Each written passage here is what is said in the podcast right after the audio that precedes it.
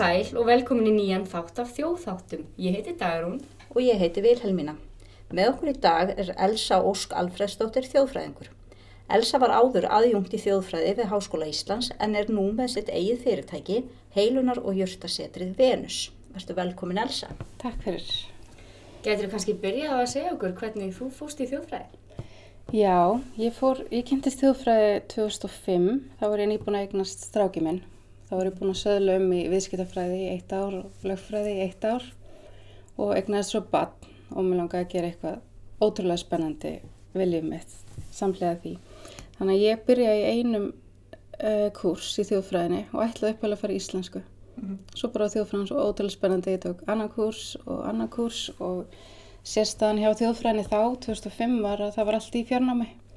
Þannig að maður gæti að barna á vekt verið heima og mm -hmm. ótrúlega fjölskylduvend nám og svo var þetta bara svo spennandi þannig að þetta endaði, ja, endaði þetta var það sagt aukafægi og aðalfægi og svo endaði ég að klára mestaranám í þjóðfræði, fór ekkert.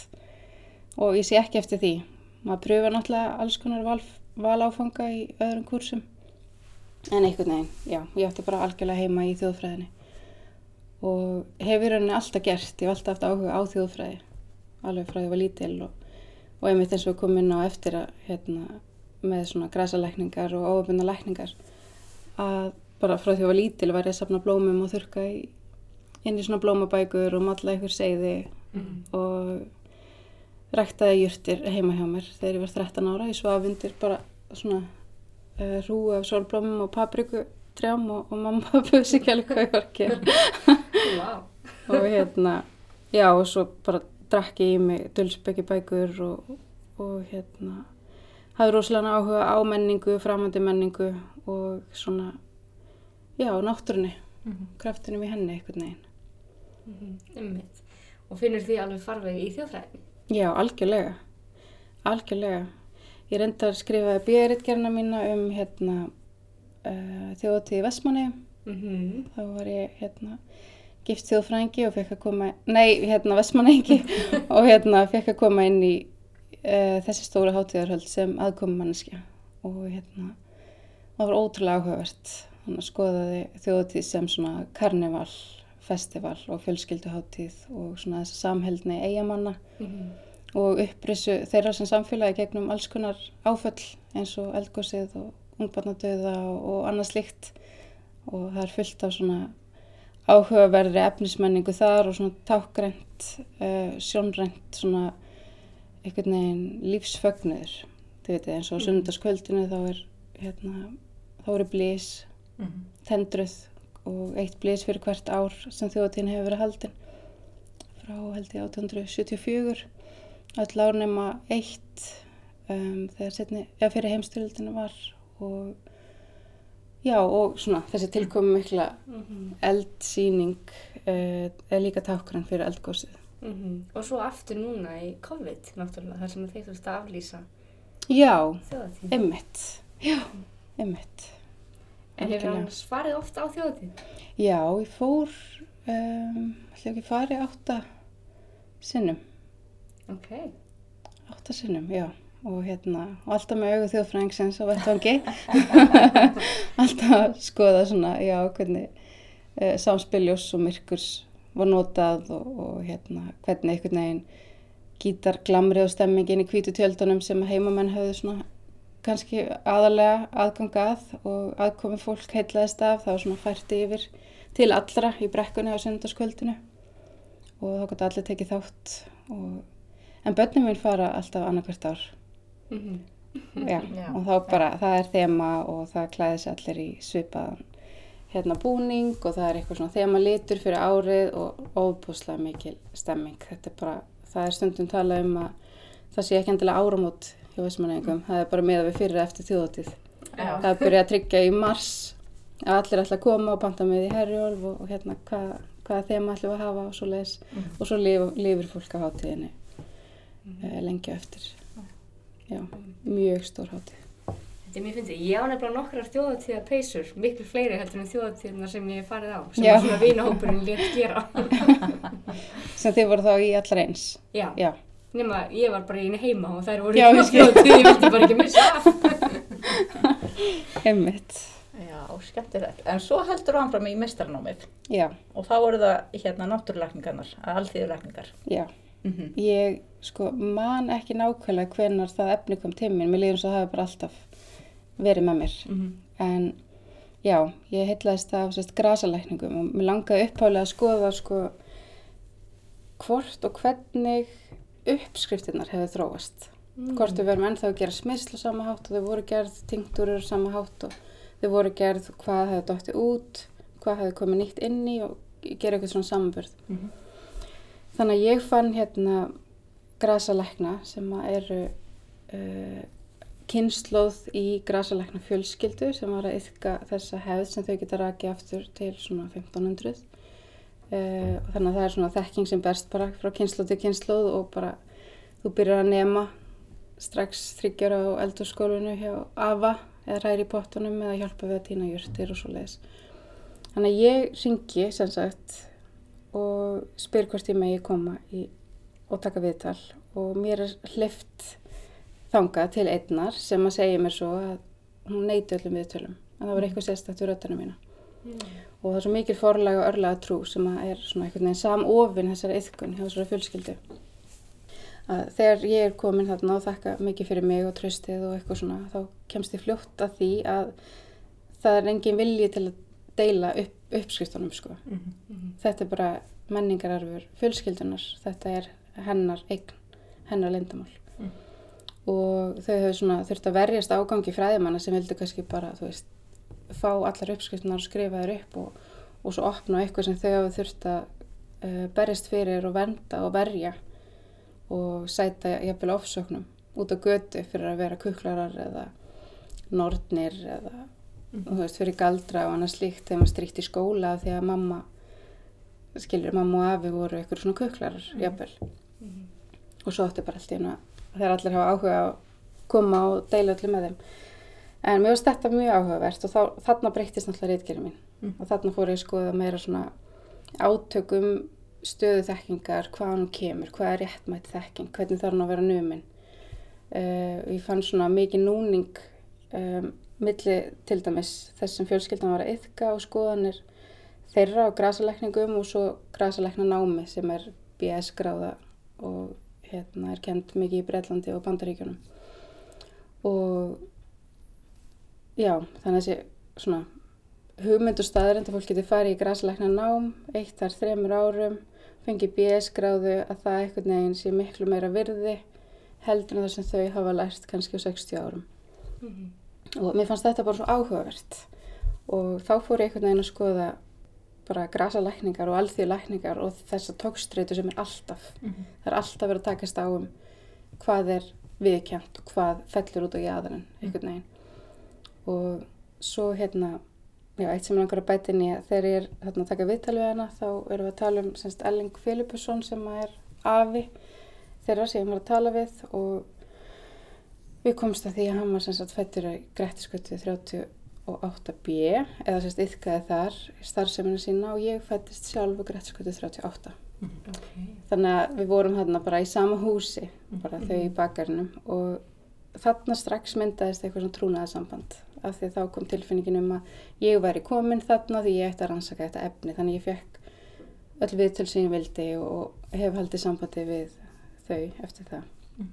þannig að það var ótrúlega falleg falleg reynsla og upplifun fyrir mig einhvern veginn að kynast þeim en já, þannig að ég fekk svona víðari áhuga einhvern veginn að skoða þú veist græsilegna hefð á Íslandi, alþjóðu lækningar, hvernig var þetta, hvernig er þetta þróast, hvernig er þetta í dag, hver eru leifarnir í dag og þetta er, þetta er svo stórt og flókið að hérna, ég hérna, þegar ég hef verið að kenna til dæmis um alþjóðu lækningar, þá byrjar maður á að skoða hugtökin. Mhm. Að þau fólk er oft bara tilbúið að fara að raugræða þú veist, eitthvað um alþjóðlækningar eða náttúrulækningar og svo eru kannski allir mismundi skilning hvað er undir hugtakinu eða undir þessum hatti eitthvað neginn.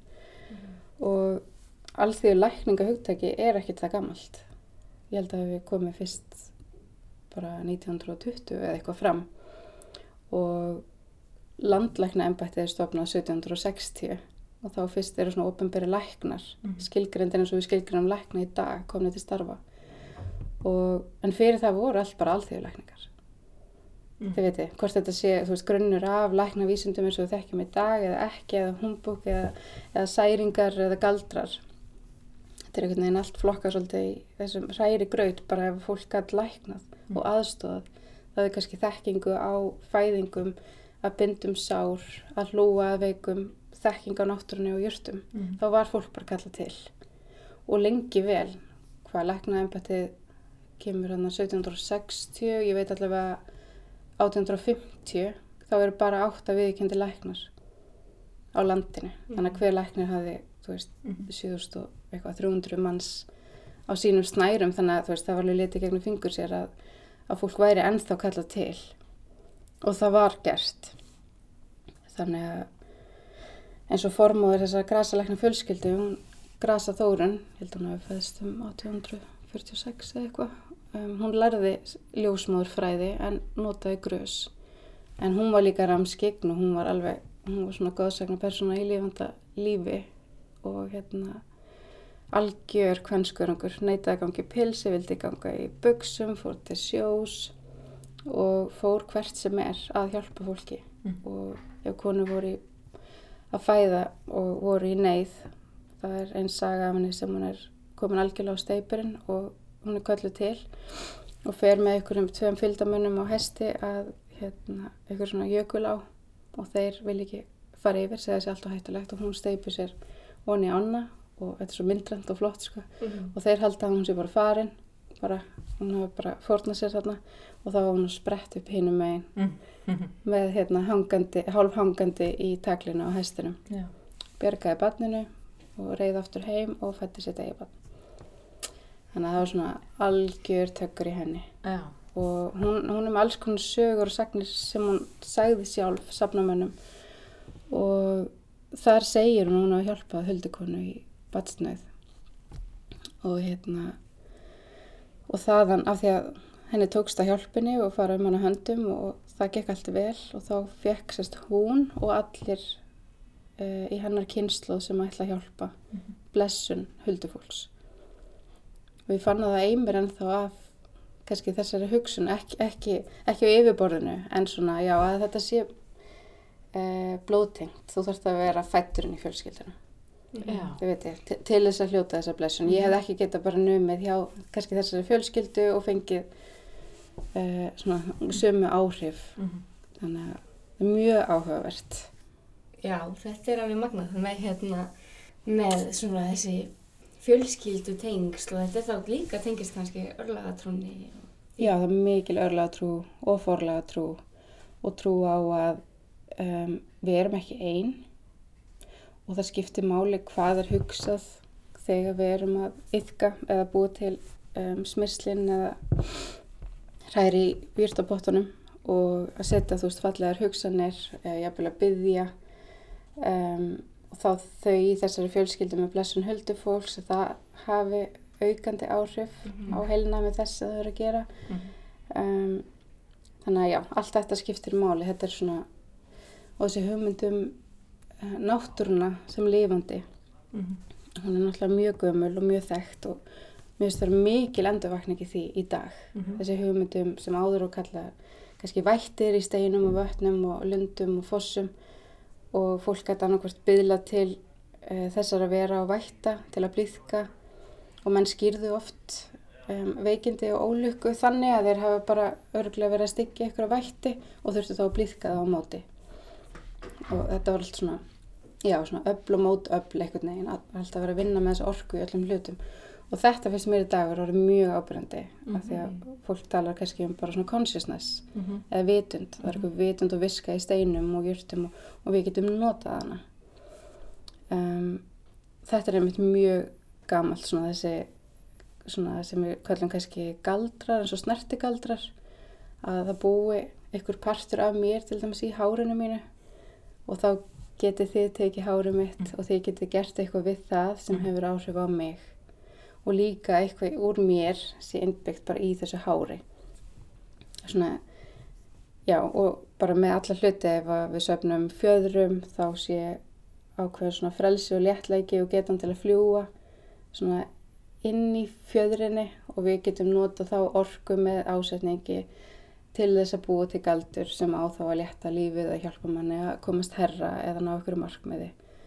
Um, og við getum haldið endalist áfram eins og klær á dýrum við erum notað til að verja sig þannig að það er kannski tekin kló af dýri og þá er svona innbyggt orkan í það að það sé hægt að búa til varnagaldur þið viti og já, Það er að verða mikið svona afturkvarf til náttúrunar finnst manni mhm, í ymsu mhm, eins og þessu og hérna algjörlega.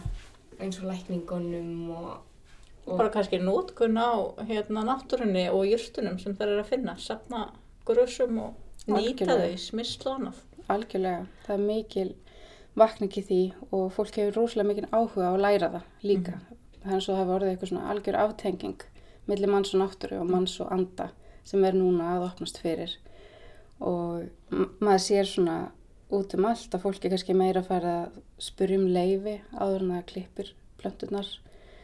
Um, spurja andana þið veitir hvort það með taka steinan á fjörunni ef fólk er að vinna eitthvað með það. Yfir í bara svona praktiska hluti eins og að rífa ekki upp uh, blóðberg með rótum og, og passa að taka alltaf bara eitt þriðja af svona jurta knapp skilur þannig að Mhm. við séum ekki ganga á jörðin okkar. Mm. og líka finnst mér vera mjög ábyrgandi og ég fagna því að það er svona að það er alltaf verið að horfa meira og meira á það sem við höfum hér ekki að pantina utan, þú veist, hvita salvíu til þess að gera svona, brenna til að reyns út heimilin okkar Mm. reyns út orkuna í kringum líkamann eða annað sem fólk gerir að það er meira verið að horfa í hvað höfum við hérna á Íslandi Mm. að því við höfum allt hér á Íslandi Mhm. og til dæmis er vallhumall jurt sem er notið í þessum tilgangi og hann vex út um allt Mm. maður getur bara að fara út og klift vallhumall og þú veist, þá erum við ekki að ganga á þessa, þessar jurtir og, og hérna tré sem eru bara jafnvel í útrýmingarhættu. Mhm. eins og sandal, vút, viðurinn og annað. Þannig að við getum notað reyni hér á Íslandi og hann þjónar sama tilgangi. Þannig að það er svona, já, það er mikil vakning í þessu. Mhm. og tengist kannski líka bara svona almennri aukinni umhverfisvitund.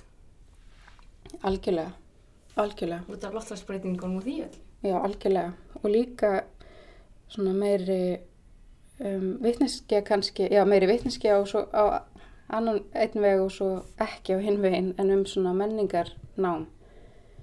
Að vera ekki að hérna, taka og tilenga sér kannski hluta menningar arfleið hópa sem að við kannski höfum aldrei kynst Mm. í samfélagum sem við höfum ekki farið til og höfum ekki numið svona heimsýnina og trúabröðuna bakvið að taka það allt í hennu upp hér upp á okkur einstæmi og svona ákveðin virðing og, og þannig. Já, þannig að já, mist vera ákveðin vakning þar og meðan í rauninni þetta flæður út um allan heim og fólki er einmitt bara fyrir á námskeið hjá alls konar fólki til að vera sjamanar og, og seðkonur og, og eitthvað svona og þá veit maður ekki alveg alltaf hver bakgrunin er hvernig svo viska er numin endilega. En þetta er alltaf áhugavert fyrir þjóðfræðingin af því í öllum núningi þar er eitthvað áhugavert fyrir okkur að skoða og einhvern veginn alþjóðlækningar er, eru og hafa alltaf verið og ég held að verði alltaf skilgreint frá alvöru venjulegum viðkendum læknavístum. Já, út frá þeim punktu eins Já. og það sé normið. Þa, já, Já. og það er eins og, já, það sem er sérst búið vísindlega sanna Mhm. og samþykja, ok, þetta virkar svona, við höfum rannsaka af hverju og hvernig það hefur áhrif á líkamann og af hverju það hefur heilsubætandi áhrif, þá er það núna orðið innlimað inn í læknavísindi. Mm. og allt sem fellur fyrir utan er ennþá óöfndalækningar eða náttúrulækningar, alþýðulækningar, fólk nota þá kannski ekki mikið í dag en fyrir mér er þetta allt sem fellur utan við hefbundin læknavísindi sem svona viðbúta meðferðir Mm. og hérna og það er alveg gott og gilt. Maður fagnar því að, það sé, að allt sé skoðað og svoleiðis en líka einhvern veginn að hafa svo hugsun eins og grasalæknarnir mínir sögðu þú veist við höfum alltaf vitað að þessar jurtir verka svona og verka svona saman Mm. og bara frábært að það sé búin að finna út hvað virkuefnin heita og nákvæmlega hvernig þau hafa áhrif á tögakerfi og líkamann en við höfum alltaf vitað að þær virka við þessum kvöllum og Mhm. þetta virkar til að auka frjósemi Mhm. og við munum aldrei þurfa að læra endilega þessi virku heita því við gerum bara það sem við höfum alltaf kunnað. Mér finnst þetta líka svolítið svona áhugavert að jú, Við þurfum að rannsaka og, og vita hvernig hlutir virka. Mhm. Það er bara framþróun. En svo eru ákveðin vísindi sem að virka og þá bara kannski eftir að uppgöta hvernig. Mhm. Og það er svo stutt síðan, það er svo stutt síðan við uppgötum bakteríur og veirur til dæmis. Við erum að tala um bara 1900 eða 1920 og svona þar fram eftir. Og svipum tímar og uppgöta vítamin. En grammeti hefur alltaf verið jafn hált. En þetta er vittneskinn góð og við getum beitt henni og nota hann og nýtt hana. Mhm. En hérna, þannig að það hugsaðist undir hvað eigum við eftir að uppgöta. Já. Mhm. Og mér finnst það svo spennandi. Mhm. Af því það er ótrúlega margt í gangi sem er ekki samþygt af læknavísundunum og fellur þarna fyrir utan sem fólk og reynslusögu fólks og það er að við erum að skoða svo mikið í þjóðfræðinni. Bara sögur sem ganga manna á milli, reynsla sem fólk hefur. Fólk hefur náð bata með alls konar aðferðum og hérna já, sérstaklega eins og sem tengist kannski tíðni og orkuvinnu og, og, og alls konar svoleiðis. Um, þannig að mér finnst það mjög spennandi, sjá hvert það leiður okkur og mér finnst gott ef við hefum öll bara svona ákveði umbyrðalendi og að blanda hlutunum saman. Mhm. Ef, ef, ef það kallar á fólk að vera eitthvað jók og það hefur heilnam áhrif, fara í sjósund, það hefur heilnam áhrif, um, út í meira kannski svona óhefbundnara eins og bara heilun eða tíðnivinnu eða annað slíkt, að það sé pláss fyrir það, einhvern veginn. Mhm. Það er enginn að koma til heilara þegar hann er fótbrotin. Og það er enginn að koma til grasalæknis, þú veist, ef það er blæðing í kviðarhólinu. Mhm. Þið veitir, fólki er að sækja svona einhverju viðbútar uh, veljaðan og heilun. Mm. Og minnst þetta orð heilun svo ótrúlega fallegt og það hefur verið svolítið svona, uh, já, kannski gildislaði og neikvæðan hátt. Svona tengt kannski kukli en, en heilun, veist, hvað er heilun? Það er bara, það er að líða betur og vera heilli og við getum heila fólk með að hlusta og við getum heila fólk með að segja og jákvæða hlut og hvetja það og faðmlag er heilandi, Mhm. samvera er nærandi og heilandi. Þannig að þó sé ekki nema bara það að fólk gefi sér klukkutíma á bekk sem þarf ekki að ágjöra neinu og það er slakandi tónlist og það er góð lykt í loftinu af einhverjum yrtum og þú ert með mannsku sem er að veita þér bara skilirislausa aðtegli í þennan klukkutíma. Og þú hefur tíma til þess að kannski svona vinda ofan af tögukerfinu Mhm. þið veitir, þú veist, það er alltaf heilandi. Mhm. og svo getum við farið alveg margar áttum með hvað er actually að gerast þarna með hann Mhm. en já, þannig að mér finnst þetta mjög spennandi. Já, algjörlega, þetta er mjög spennandi. Mm og svo margt sem er til einmitt og hérna ótrúlega áhugavert. -hmm. En ég fyrir kannski aðeins aftur í hérna græsalæknuna sem Já. þú varst að tala við. Mm Um, hvernig aðferðir voru þau helst að nota? Voru þau að gera þá smyrsli og... Já, þau voru með smysl og mikið af svona jurtaseiðum og grasalæknarnir áður fyrr þurftu kannski meira svona harkalegri aðgerðir af því að læknaþjónustan var ekki til að mæta þannig uh, kvillum þannig að það eru blóðúrtökur til dæmis um, þá var fólk með bíld með svona einhver svona fjöður sem að hjó á æðina og þá hleyfti út svona blóði og, og létti á og þá var eitthvað svona uppsafnað hérna, spennustegi líkamannum. Það hætti allt held ég með ástu græsalækni og kynnslóðna sem ég var að tala við voru ekkert í þessu.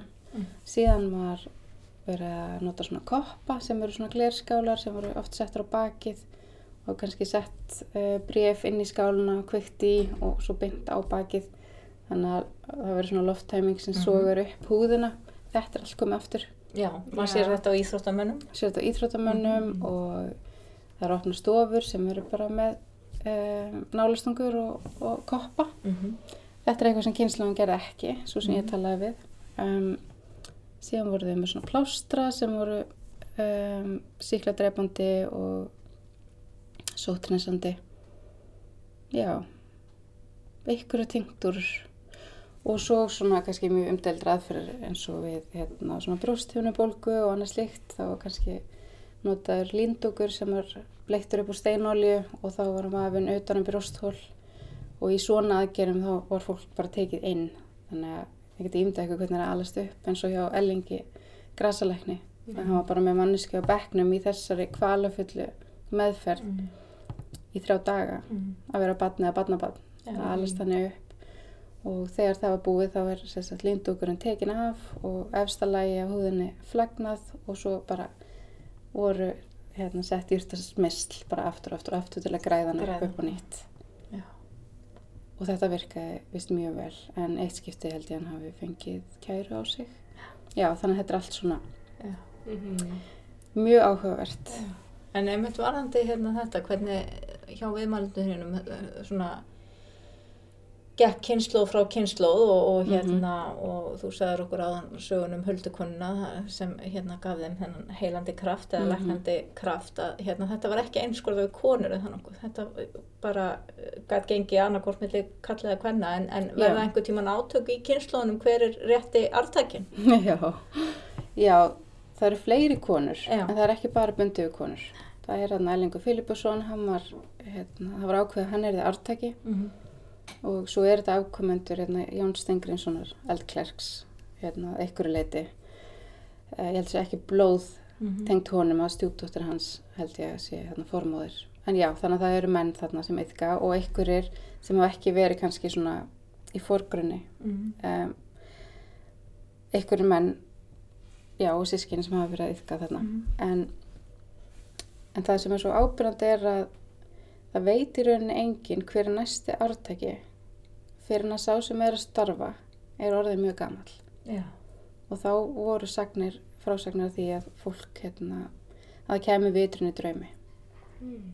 að jafnvel að láta nættingi kæmi og segði um, Erlingur tekur við, mm Mhm, hann er næsti græsleiknir og þá hefst svona miklu formlegri þjálfun innan fjölskyldunar Já.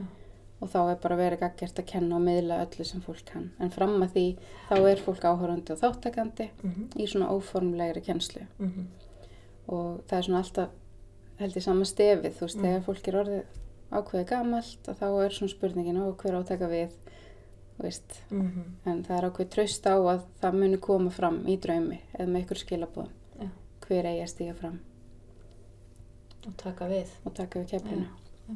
Og þegar ég var að taka við til við fjölskylduna þá voru svona einhverja hugmyndir hver gæti tekið við Mm -hmm. en hérna en ekki búið að Já.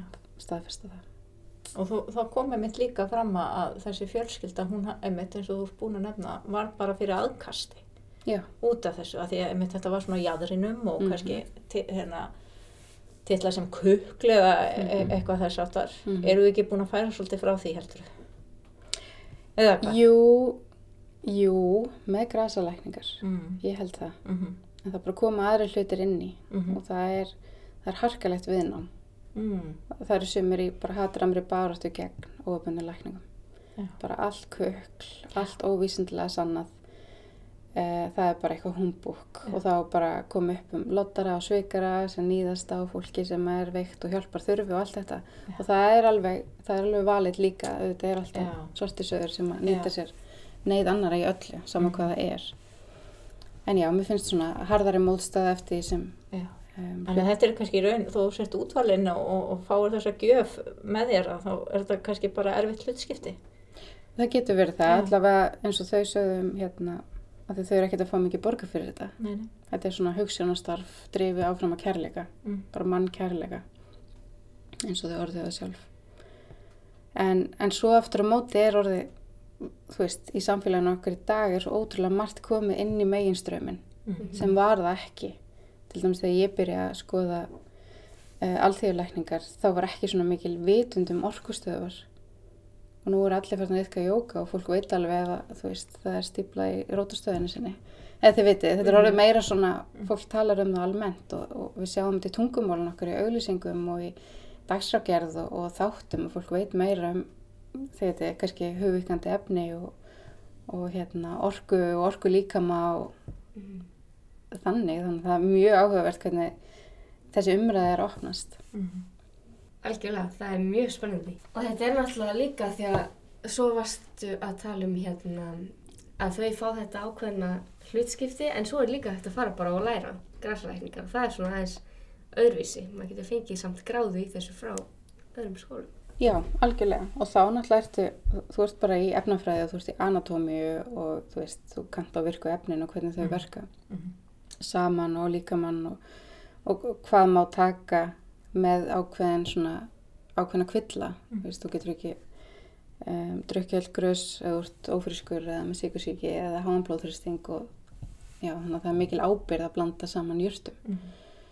Uh, fyrir fólk, en, en þetta er viðkjent og fólk hefur inngöngu í svona fagfjölög, grasalekna og það er eindökupróf og annað slíkt. Mm.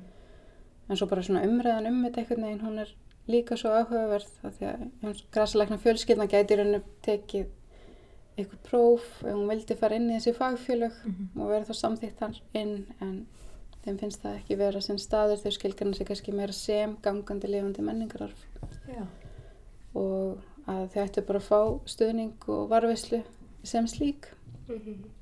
um, já, allavega svona á þeim tíma í þeim Já. viðtölum þá var Mhm. það svolítið svona stefið eða Mhm. tilfinningin sem ég greindi Mhm. Og þetta er náttúrulega menningararfur en Mhm. þetta þekkist samt mjög víða um heim, eða ekki?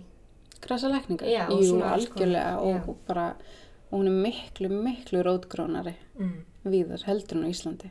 Mm. Það verður raunin eitt sem kom mér á óvart að því ég held ég væri bara að opna veist, því líka grósku þegar ég fór að skoða þetta en þannig að ég veit ekki í svona gömlum heimildum eins og í annálum og sí, síslu og sóknarlýsingum og, og svoleiðis hvort þetta hafi bara verið það almennt að fólk var ekki að skrifa um það Mhm. og tók því ekki að nefna það. Mhm. Um, en það glittar í svona grasaferðir hér og þar eða fólk var að gera hérna, einhverja grauta úr fjallagrössum og, og, og leggja jörtir við sárin og svona Mhm. en svo til dæmis þegar Egert Ólafsson og Bjarni Pálsson sem eru fyrsti landlæknin okkar þeir fóru um landið svona þessi tveir upplýsingamenn Mhm. þannig að þeir skrásettu alveg ótrúlega vel og vandlega um, bara menninguna á hvernig stað fyrir sig hvað fólk var að borða, hvernig atgerfi var hvernig menning, háti, síðir uh, klæðnaður og annað slíkt var og þar kemur ljós að fólk var kannski að þjásta sjúkdómum og hafði ekki þekkinguna á því að þá hugsa jústur fyrir utan húsið sem að voru með efnunum í sem hefði geta Mhm. uh, lagað sjúkdóminn eins og skýrbjúg Mhm. og svo var skarfakál bara fyrir Mhm. utan og hérna fullt að sévitamin í því Mhm. já, þannig að það var svona en svo voru menn kallaðir kannski menn og konur fjölkunnug þegar þau höfðu einhver þekkingu og, á steinum og jörtum og, og gátu þá haft áhrif á heilsufar fólks og fólk vissi ekki alveg hvað það var að gera Mhm. þannig að En þú hefur einmitt hérna, þú nýtir þessa þekkingu einhverju leiti sjálf, eða ekki? Þú fer til grasa og, og, Mhm. og bruggar allskins seiði og smisli, það ekki? Jú. Já, ég, hérna, þetta er mjög hagnýtt þekking. Já, þetta er mjög hægnýtt. Ég kendi hérna í nokkur ár og kendi alþjóðalækningar og svo fann ég, mér langaði svolítið bara að gegnsýra mig Mm í yðkunni. Þannig að ég er búin að vera að nema grasalækningar sjálf, Mhm. ekki BS gráðana samt, en alveg ótrúlega flott og vandanám og er í jógakennaranámi og búin að læra höfubun spjaldriks meðferðir. Það er eitthvað sem að, það er eitthvað ótrúlega töfur í því Mhm. og, og svo held ég að þetta sé bara með svo margt annað að maður þarf að finna það sjálfur Mhm. maður þarf að finna í kerfinu sínu og reynslu bankanum sínum að eitthvað virkar fyrir mann þannig að sama hvað ég myndi segja ykkur og væri búið að virka vel fyrir mig þeim myndi kannski ekki upplega það sama þannig að ég fór mína leið og fann alls konar helsubót í gegnum jurtir, í gegnum heilun, höfubuna og speldriksmeðferðir Mhm. uh, unnur alls konar áföllum bæði með viðkendu fagfólki og svo nýtt mér óöfbundar lækningar. Og Mhm. þetta allt saman hjálpar. Þannig að já, þannig að ég er búin að læra einhvern veginn. Já, þú situr ekki auðum höndum, allavega. nei, ég set ekki um höndum. Þetta og ég held maður hætti aldrei að læra.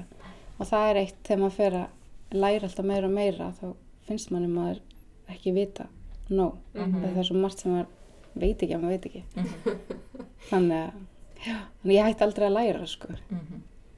en mér finnst ótrúlega gaman að tekið þennan ring núna Mhm. búin að vera að skoða áföll og hvernig aflengra áföllum byrtast hvernig áföll sitja eftir í líkamannum og eins og tengslu við jókafræðin þá er talað um við um 72.000 orkubrautir í líkamannum Mhm. og alltaf það verður eitthvað stíplur þá getur hlaðist upp svona orku stíplur í líkamann og þetta eru bara, við kendum vísindi í Endlandi um, og við séum með tilfinningar líkama og við erum með mental body og áru líkama og þetta allt, þetta er bara eitthvað sem er alveg viðkjent í jókaheiminum. Þannig að mér er ótrúlega gaman að tvinna þessu öllu saman, svona samtalsmaðurförðum, finna orku fólks á bekknum, vinna með höfubeinin og nota svo kannski justir til að Mm -hmm. styðja við. Mhm. Þannig að Af því að þú varst að hérna, opna þér fyrir ekki svo lungu júrt á heilunarsetrið Venus. mm Þá er þetta að hjálpa fólki með þessari þekkingu. algjörlega. Mhm. Og að opna svona lítið setur með öllu þessu sem að ég er að brasa er búið að vera draumur svo ótrúlega lengi. Mhm. Ótrúlega lengi. Og um, við vorum semst við með aðstöðu í íbúð hliðin á húsinu mínu Mhm. og í COVID-faraldrinum þá heitlaðist ég ennþá meira af svona heimilsiðnaði að hafa vinnuna nálægt og, og einhvern veginn að því að líka í þessari vinnu hún er svo persónleg Mhm. og fólk er að koma til mín út af minna orku hver ég er og hvað ég hef gert. Um, að þá er þetta svona eins og framlegging á heimilinu mínu. Mhm. og já, þannig að ég bjóð hann til heimasíðu, fann nafnið Venus. Mhm. það var svolítið lengi að finna nafn og með alls konar hugmyndir en ég endaði á Venus af því að ég er náttúrulega forfallin stjórnusbauki aðtáðandi Mm. það er alveg. Og það er svo áhugavert svo ég hoppi yfir það líka þetta var svona undirstaði fyrir læknisfræði áður fyrr. Bara ef þú ætlar að vera læknir þá þurftur að læra stjórnusbauki og öfugt. Og svo núna þegar ég er búin að ég er búin að vera grúski stjórnusbyggi ég er alveg þrjú ár, bara ég vakna á nóttunni til að kíkja, bara heyrðu já, byrju þessi ekki heila blóðfall þarna ok, hvað var Mars að gera? Þið veitir, og bara svona í aðra ykkur þráhyggju. En þá fyrir stúdur um mitt eigið uh, stjórnarkvart og Venus plánetan, hún er algjörlega ráðandi í mínu stjórnarkvarti og um, og ráðandi í rauninni í að tryggjara því að maður er bæðið með fæðingakvort sem er svona svo fingrafæri okkar, það eru plánuturnar kjörrar og svo er ákveðin framþróun þar sem það er færast á hverju ári og svo er bara það sem er að gerast í heiminum núna. Og í öllum svona stórum breytingum í lífinu mínu þá hefur Mars, nei hérna Venus verið að tryggjara breytingar sem ég fannst svo áhugavert og skemmtlegt fyrir utan að Venus er bara eh, tengd mörgum jurtum sem ég nota mest.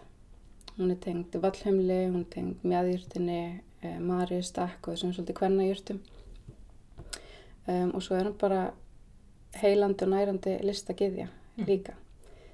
Þannig að já, allt í nú var Venus til og ég kom með þetta plattform, ég er með ótrúlega margar hugmyndir fyrir framtíðina. Og mér langar að vera með svo mikið námskeiðum og mér langar að kenna fólki bæði í praxis, svona orkuvinnu og þannig og kenna þeim að gera smisl og fara að týna jurtir og svo leis um, svo er líka að mála. Já, mér finnst það svolítið gaman. Mhm. já, það er mjög skemmtilegt. nota svona ásetningu heilun í hérna í málverkin.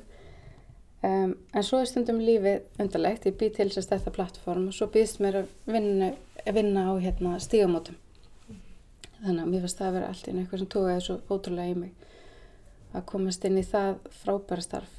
Þannig að ég er þar að sitja í samtölu með fólki og, hjálpa þeim gegnum áfylli sín sem að svo er reynsla sem ég þekki á bekknum og svo nýtist það mér áfram á bekknum og hérna já, þannig að nú er ég að gera þetta tvent samhliða Mhm. þannig að það hægir aðeins á Venus en plattformi er komið og svo er það bara rými fyrir mig að skapa allt sem ég vil Já, í framtíðinu alltaf betur. En finnst þið þjóðfræði nýtast þér í til dæmis því sem þú ert að starfa í núna?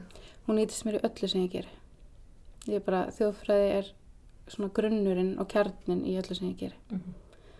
og sjónarhóttnið sem ég fengi á þjóðfræðinni eh, sínin á heiminn, umburðarlindið rannsókn og aðferðirnar sem ég fengið.